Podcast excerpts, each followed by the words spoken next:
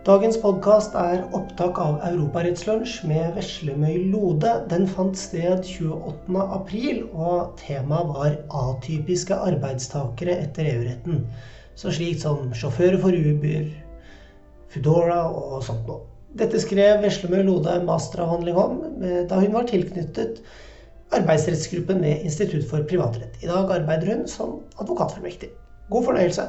Ja, Atypiske arbeidstakere etter EU-retten er det jeg eh, skal snakke om. Eh, jeg har sett spesielt på digitale plattformarbeidere, digitale og frilansere. Og det er alle arbeidsformer som adskiller seg på fra den faste fulltidsansatte. Eh, så det da atypiske arbeidstakere. Og jeg har også sett på da betydningen for norsk rett og eh, utgangspunktet mitt er arbeidsvilkårsdirektivet, det nye EU-direktivet, som ennå ikke sist jeg sjekka, var blitt EØS-relevant, men det er ikke tatt med. Um, så er det ventet at det også skal implementeres i, i norsk rett. Eh, oppgaven eller problemstillingen min var hvilke kriterier for atypiske arbeidstakere er mulig å utleve etter, etter som det. Der har man den. Etter uh, og EU-retten. Jeg har for denne presentasjonen delt masterbehandlingen inn i tre punkter. Det er betydningen av det EU-rettslige arbeidstakerbegrepet for tolkningen av arbeidsvilkårsdirektivet. Eh, det andre punktet er kriteriene som kan utledes for eh, atypiske arbeidstakere. Eh, det er todelt ut ifra EU-domstolens rettspraksis, og det andre ut ifra hvilke kriterier som kan utledes direkte fra arbeidsvilkårsdirektivet. Og det siste punktet er betydningen for norsk rett litt dårlig lyd. Jeg er redd vi ikke får gjort noe med det. altså Det er bare sånne tomater her i mikrofonen. Kanskje litt uh, mikrofonen litt her. Ja, kan litt nærmere. Nå får jeg ikke sitte på Nei, ja, for jeg tenker på den. Der er meg. Skal jeg prøve å lære meg litt over her, kanskje? Så Litt kort om arbeidsvilkårsdirektivet. Eh, det er et universelt arbeidsrettslige direktiv som skal omfatte alle arbeidstakere.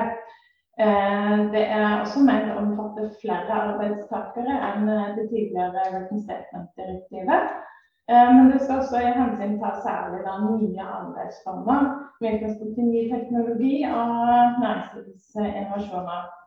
Eh, veldig kort om eh, rettighetene i arbeidsvilkårsdirektivet, så er det flere nye krav til hva slags type informasjon arbeidsgiver skal komme med, eh, sammenlignet med uten statement, når det, inngåelse av en arbeidsavtale. Det er også nye minimumsrettigheter som eh, krav til prøvetid, eh, forbud mot eksklusivitetsklausuler og tiltak mot misbruk av tilkallingskontrakter. Det er flere bestemmelser i direktivet som er ment å sikre mer forutsigbar eh, mer forutsigbarhet for arbeid, som f.eks. en rett til å be om mer arbeid, og også en rett til et skriftlig svar på den henvendelsen fra arbeidsgiver. Arbeidsvilkårsdirektivet ble vedtatt sammen med søsterdirektivet Work-Life Balance samme dag. Og begge disse to direktivene er også en eh, rettslig oppfølging av EUs sosiale pilar. Og begge disse to har eh, også henvisning direkte til flere av prinsippene på den sosiale, i den sosiale pilaren. Og viser også til grunnlaget i EUs charter. Og som sagt så er det ventet at dette direktivet blir EØS-relevant. Eh, medlemslandene har gjennomføringsfrist 1.8 nå i år. Så kan vi ta Ja. Arbeidsvilkårsdirektivet har ingen klar definisjon på hvem som omfattes. Så der må jeg også starte. Når man skal gå inn, og der må man også starte da, når man skal gå inn i siden og kriteriene for. Eh, opprinnelig så foreslo kommisjonen at eh, man skulle anvende den grunnleggende dommen Laura Blom sin eh, formular om hvem som er arbeidstaker, og dermed da for første gang i direktivene legaldefinere eh, en definisjon av arbeidstakerbegrepet. Eh, det skjedde ikke. I stedet for så fikk man eh, den eh, definisjonen eller angivelsen av hvem som er arbeidstaker over. Eh, og der eh, har jeg gått inn og sett på betydningen av EU-domstolens rettspraksis på den måten at man i angivelsen har å forholde seg til både de nasjonale arbeidstakerbegrepene og det EU-rettslige arbeidstakerbegrepet gjennom EU-domstolens rettspraksis.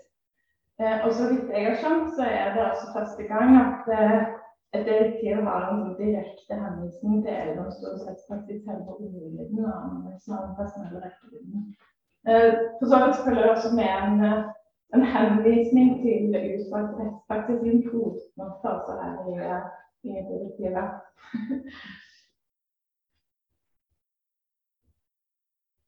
Så for å forstå eh, hvordan man skal si noe nærmere om hvem som er atypisk arbeidstaker, så har det vært nødvendig å da eh, tolke dette. Og i dag, i dag, siden det ikke er rettspraksis på dette nye direktivet, tolke det i en EU-rettslig kontekst og, og, se på de arbeidsrettslige direktivene.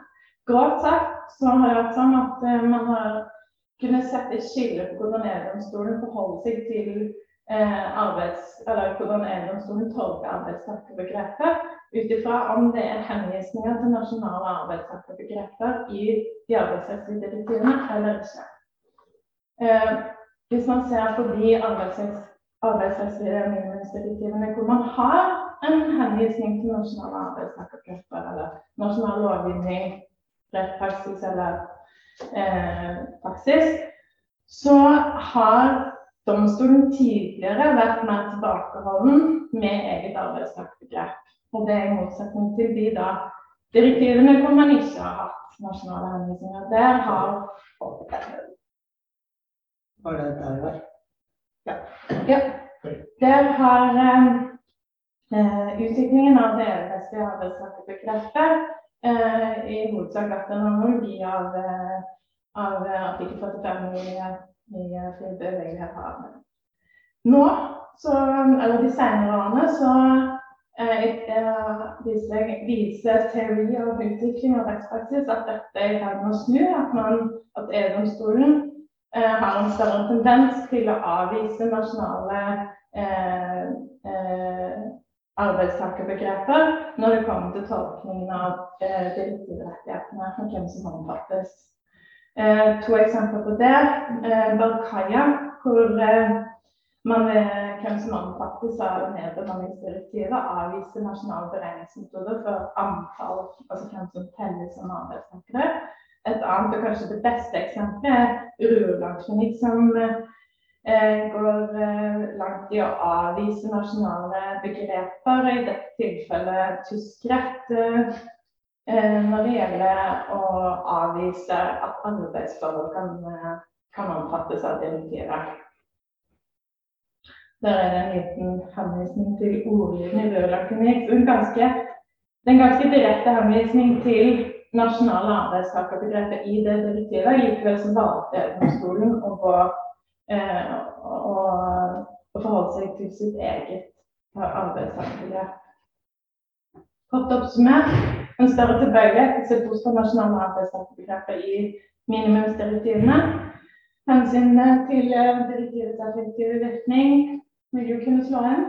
Også her, Det dersom nasjonale arbeidstakergrupper eh, gir for snevert eller rokker ved eh, direktivets formål.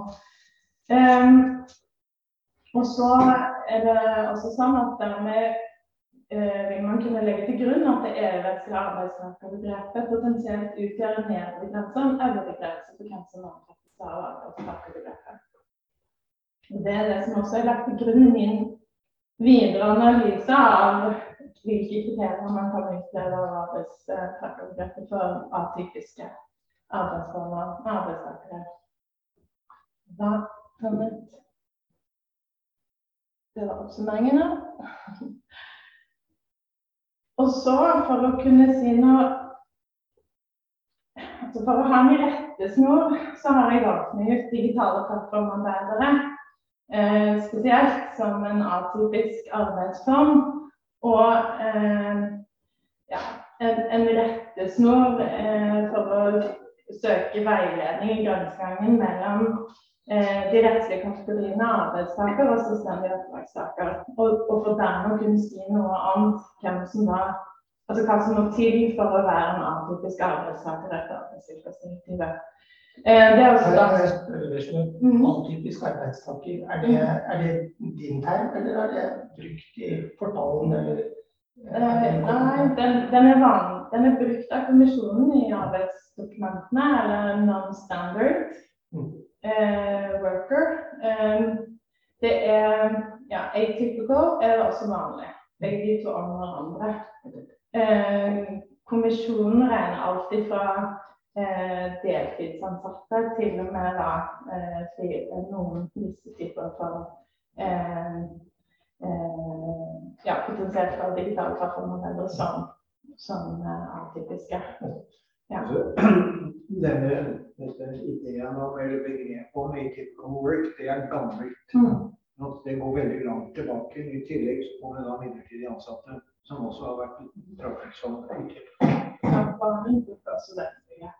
det er flere atypiske direktiver i EU, som f.eks. midlertidig-direktivet og deltidsdirektivet. Mm. Så, så dette er et etablert begrep i EU-rett, er, altså det er etablert i den ja. arbeidsrettslige si, begrepsverden i diskursen. Mm. Det, går, det går veldig langt tilbake. Ja. Ja. Er, noen ganger så kan det være vanskelig å finne ut uh, hva folk egentlig mener med det. Ja. Og I sin tid så sa jeg atypisk. Ja, men midlertidig ansettelse er jo ikke atypisk. Ja, altså, men, men, det er en liksom, forskjell mellom den der, altså, industriarbeiderbegrepet, fast ansatt, i heltidsstilling, ja, ja, alt som skiller fra det. Og det er det, det som er en del av utfordringen, og som var en utfordring for meg i Afghan her. Det er en grøss av merkelapper, og så er det i hovedsak bare to rettslige kategorier. Det er arbeidstaker og den store, omfattende kategorien med litt sånn som jeg kaller selvstendige oppdragstakere. Eh, skal komme litt nærmere inn på det. Eh, men altså, utgangspunktet er jo da eh, i utgangspunktet har jeg brukt digitale plattformarbeider som en sånn rettesnor for å søke veiledning i den grensegangen mellom arbeidstaker og selvstendige arbeidstakere. Nettopp fordi at eh, rettspraksis viser eh, at eh, overgangene er blitt mer blurred, som man gjerne kan si det. Tåkelagt, eller at man befinner seg i et gråsonelandskap. Og det er jo det som er masse opp med digitale plattformer, at de utfordrer nettopp disse rettslige kategoriene.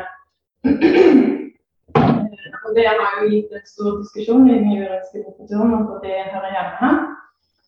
Men kanskje viktigst det er et reelt behov for en rettslig avklaring for veldig mange av disse i arbeidslivet. Og også de som starter selskaper med disse arbeidsformene. Um, og Det er også en av hovedgrunnene til at EU-kommisjonen uh, valgte å ha som hensyn i sine arbeidsdokumenter å få inkludert noen av de atypiske arbeidsformene. Som jeg hjelper her også. Ja, nå var jeg innom litt om utgangspunktet for de rettslige kategoriene, men veldig grovt, veldig grovt sagt så Eh, kan man si at det rettslige utgangspunktet etter EU-domstolens rettspraksis er kort fortalt underordning på arbeidstakerstatus, selvstendige oppdragstakere. De blir definert i en kontrast til arbeidstakere, eller i en negasjon til arbeidstakere. Dermed så får man en veldig lav terskel for hvem som er selvstendige oppdragstakere. Eh, og en stor og heterogen gruppe med ulike eh, former for eh, arbeid og oppdragstakere. Eh, ja. Foreløpig har man heller ingen rettslig avklaring fra EU-domstolen om digitale plattformarbeidere kan være arbeidstakere, eller er i enkelte tilfeller kan være arbeidstakere. Eh, her er kort oppsummert de kriteriene for atypiske arbeidstakere jeg kom fram til etter eh, en analyse av en rekke eh, dommer, EU-domstolens rettspraksis Eh, i, på arbeidstakerbegrepet med gråsonetilfeller som, eh, som undersøkelsesobjekt. Om du vil altså grå, Med gråsonetilfeller her så mener jeg tvilstilfeller hvor eh, eh, tilfellene kan falle både for å fange arbeidstakerkategorien eller falle inn under selvstendig arbeidstakerkategorien. Og ut ifra den rettspraksisen så så har jeg eh, ja, sett da at man har fått over tid en eh, lavere terskel for hvem som omfattes. Altså et vidt begrep i utgangspunktet. Eh, fra begynnelsen også et vidt begrep. Men eh, man har fått en nyansering av underordningskriteriet, som jo er det sentrale kriteriet for hvem som er arbeidstaker etter EU-domstolens rettspraksis. Det er større grad av selvstendighet i arbeidet kan tillates for oss arbeidstakere. Sånn at det gjør også at grensen mot hvem som er selvstendig, blir eh, tåkelagt. Det blir jo ikke umiddelbart.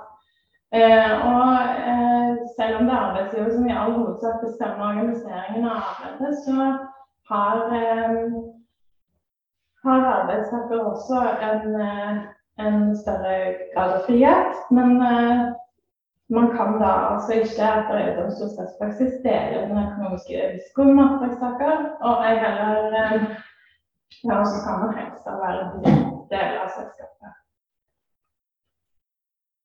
Eh, det er altså et mer nyansert arbeidstakerbegrep som, rommer, eh, som i større grad rommer flere, altså potensielt flere arbeidsformer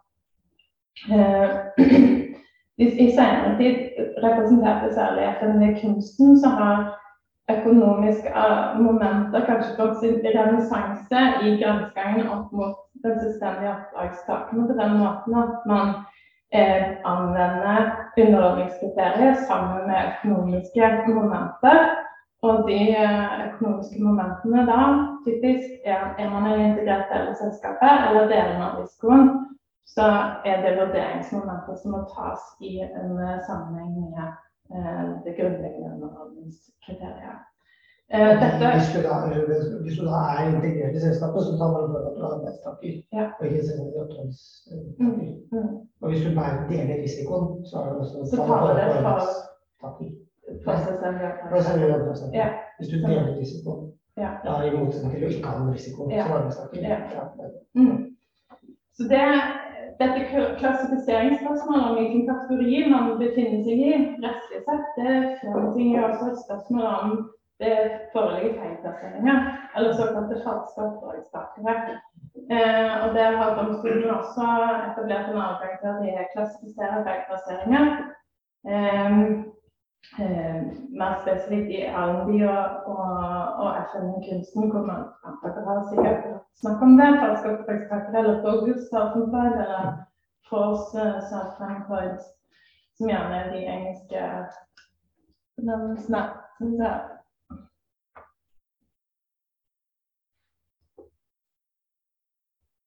Nå går litt fort fram her.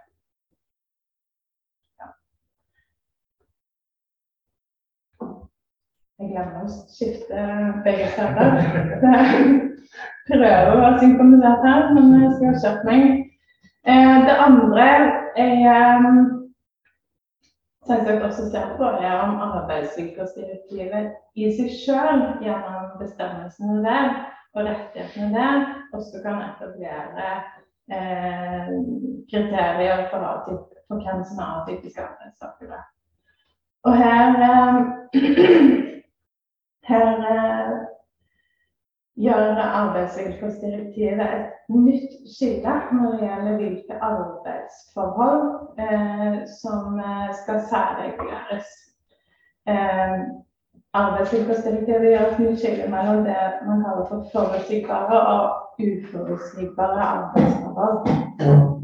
Det vil si at, disse, at dette arbeidsforhold som eh, forutsigbare eller uforutsigbare arbeidsmønstre. Eh, og ut ifra de informasjonskravene som arbeidsgiver må komme med for eh, kategorien uforutsigbare arbeidsforhold, så har jeg eh, eh samla eller analysert disse kriteriene eh, for hvem disse ufor, uh, uforutsigbare arbeidstakerne er. Arbeidslivsdirektivet. Uh, sier bare helt kort, ikke gå så veldig inn i det. Men de informasjonskravene som arbeidsgiver må komme med for denne typen arbeidstakerforhold med uforutsigbare arbeidsforhold, det er bl.a. en del varslingsregler for når de kan bli kalt inn til arbeid. Eh, referanseperioder for når man kan forvente for arbeid. Og det er varslingsfrister for hvor seint man kan kansellere oppdrag. Det er en del kort fortalt kjøreregler for hvordan eh, arbeidsoppdrag skal etableres mellom arbeidsgiver og arbeidstaker. Og eh, det som kjennetegner denne gruppen eh, uforutsigbare arbeidsmønstre, er jo da ikke overraskende at de har et varierende arbeidsmønster. Eh, men også at de etter arbeidsvilkårsdirektivet kan ha flere arbeidsgivere. Eh, ved å avklare ulike, altså ulike disse referanseperiodene, så kan man også da utnytte den restarbeidstiden som man ikke får eh, anvendt hos en annen arbeidsgiver. Eh, og da fjerner man også eh, eksklusivitetsklausulene. Og til dels også konkurranseklausuler innenfor visse rammer, selvsagt. Eh, og man etablerer en betinget rett til å avslå arbeidsoppdrag. Altså hvis du som arbeidsgiver har eh, varsla eh, eh, avtalt et arbeidsoppdrag innenfor varslingsfrister og fulgt visse kriterier for hvordan oppdrag skal iverksettes, så eh, kan arbeidstaker si at dette har vi ikke mulighet til å Derfor da skal man heller ikke utsettes for hjemlevelse. Um, og det er også et kriterium for disse arbeidstakerne at arbeidsmønsteret i all hovedsak er fastsatt av arbeidsgivere. Men det er nok at det er indirekte styrt gjennom f.eks. klienters forespørsler. Og det igjen, det inkluderer jo, som du ser, nå beveger vi oss helt opp mot det som potensielt kan være selvstendige oppdragstakere, ved at de eh, har klienter og får forespørsler De app som digitale plattformer. Eh, så kort oppsummert eh, Eh, så kan man også si at om arbeidsvilkårsdirektivet at, at arbeidsvilkårsdirektivets inndeling av forutsigbare og uforutsigbare arbeidsmønstre den samsvarer og forholder seg til EU-domstolens nye rettspraksis på underordningsforholdet, altså underordningskriterier. Um, og at uh, også arbeidsvilkårsdirektivet forholder seg til EU-domstolens grense opp mot genuint selvstendige oppdragstakere. Det er også satt eksplisitt i fortalen at de ikke omfattes av direktivet. Og Dermed så bygger også arbeidsvilkårsdirektivet på eh, rettspraksis representerte etter kunsten, hvor man drar denne grensedragningen opp mot det man kaller genuint selvstendige oppdragstakere. Eh, som da eh, deler eller bærer sin egen økonomiske risiko og utgjør en egen økonomisk enhet på markedet. Um, og så, da, eh, rett før jul, kom jammen meg et nytt direktivforslag. og det var ikke bare for alle arbeidstakere, men det var spesielt for eh, digitale arbeidstakere. Altså et nytt eh, direktiv for å bedre arbeidsvilkårene for digitale arbeids, Eh, for eh, digitale arbeidstakere. Ja. Eh, men også eh, digitale arbeids... nei, plattformarbeidere som er genuint selvstendige oppdragstakere. I dette direktivforslaget Jeg skal ikke bruke veldig lang tid på dette, men denne presumpsjonsregelen må vi ha med oss. Fordi her eh, så kan man ut ifra, hvis dette blir eh, vedtatt, det er jo i prosess, så dette kan endres. Det, eh, det er et forslag fra kommisjonen om at to av fem kriterier for hvordan plattformselskapene organiserer arbeidsutførelsen, så kan man eh, legge til grunn, hvis to av fem kriterier er oppfylt, at man er arbeidstaker. Eh,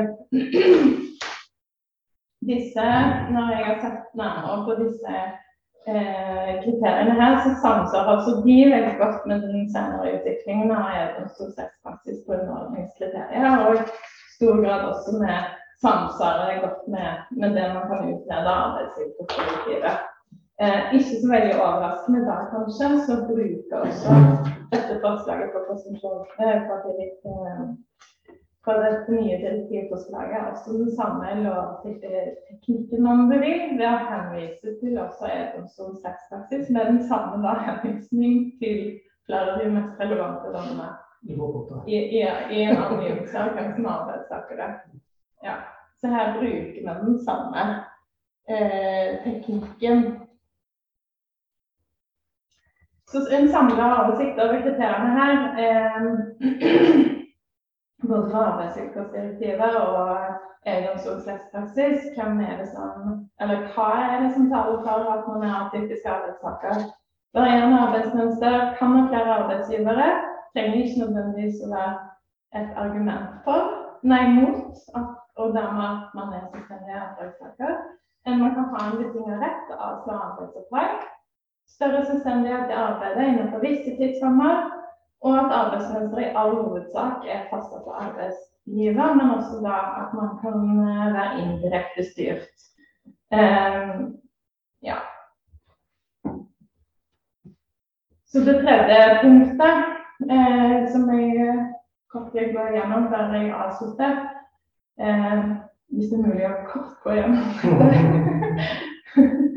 det. Det er jo selvfølgelig det som er eh, mest relevant for oss, betydningen for norsk rett. Eh, jeg har konkludert med at det følger Der skal vi videre, ja. Sorry. eh, jeg har konkludert med at følge av arbeidsvilkårsdirektivet at, eh, at den norske lovgiver må innføre et tilsvarende skille mellom forutsigbare og uforutsigbare arbeidsmønstre med tilhørende informasjonsplikter som følger av. Eh, men jeg har, det er selve eh, loven. Men jeg har også sett på rettsanvendelsen, og hva spesielt eh, hvordan dette slår ut hvis man eh, Altså utgangspunktet er jo at det norske arbeidstakerbegrepet, hvis jeg kan kalle det det, med utgangspunkt i arbeidsmiljøloven og ferielovens uh, rettspraksis. Eh, eh, og det EU-rettslige arbeidstakerbegrepet er i det store og hele ganske like arbeidstakerbegrepet, hvis vi er litt uromslige nå. de er vide, eh, og de, eh, begge to har formålsrettslige betraktninger. Eh, i form av enten eh, ja, f.eks. i EU-retten med, med, hensyn til direktivets effektive virkning. Eh, og begge begrepene i, i, begge begrepene rommer det også at reelle forhold kan ha avgjørende betydning. Men så har vi jo da over tid fått en slags momentliste for Høyesterett om hvem som som er arbeidstaker, eller hvilke, som, hvilke vurderingsmomenter man må ta stilling til for uh, å svare på det spørsmålet. Og da har jeg eh, sett på hva som skjer hvis man legger til grunn det norske arbeidstakerbegrepet for eh, selve rettsanvendelsen eh, av de gjennomførte direktivene på arbeidsvilkårsdirektivet. Altså sett at de er gjennomført i norsk rett, man legger til grunn det norske eh, arbeidstakerbegrepet. Hvordan kommer man ut samtidig med det rettslige arbeidstakerbegrepet? Er det norske romsligere eller ikke? Med det, flere som er arbeidstakere. Og dermed flere. Og, det, det som er risikofaktoren her, er at hvis man ender opp med et snarere resultat enn det EU-rettslige arbeidstakerbegrepet kan sies å romme, har man da altså har man, står man da i fare ikke gi rettigheter til de samme som skal ha rettigheter. Det riktige utgangspunktet. Og omfattes alle av typiske. Um,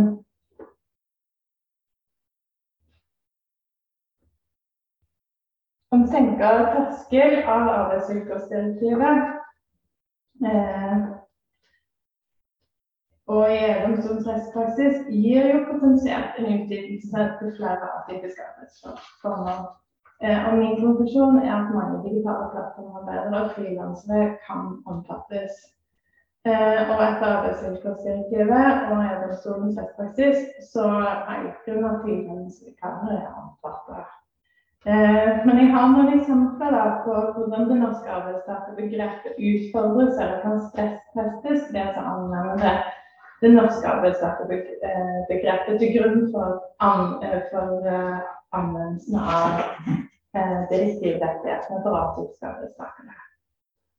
Og i ordførersaken så kom Høyesterett fram til at eh, ordfører han er ingen arbeidstaker i vanlig forstand. Han er en valgt politiker. Og, samme, og dermed så sammenligner man eh, denne ordføreren opp mot en standard arbeidstaker og utelukka da eh, vedkommende som eh, arbeidstaker. Eh, det kan være en oppfatning eller en, standard som gjør at terskelen for hvem som oppfattes som atypisk arbeidstaker, blir for høy til at man samsvarer med det EU-rettslige arbeidstakerbegrepet. Og I tillegg så har man eh, ja, beredskaps, beredskapshjem kjenner til. Eh, der eh, så man på eh, underordning som direkte styring fra arbeidstaker, og utelukker den indirekte muligheten.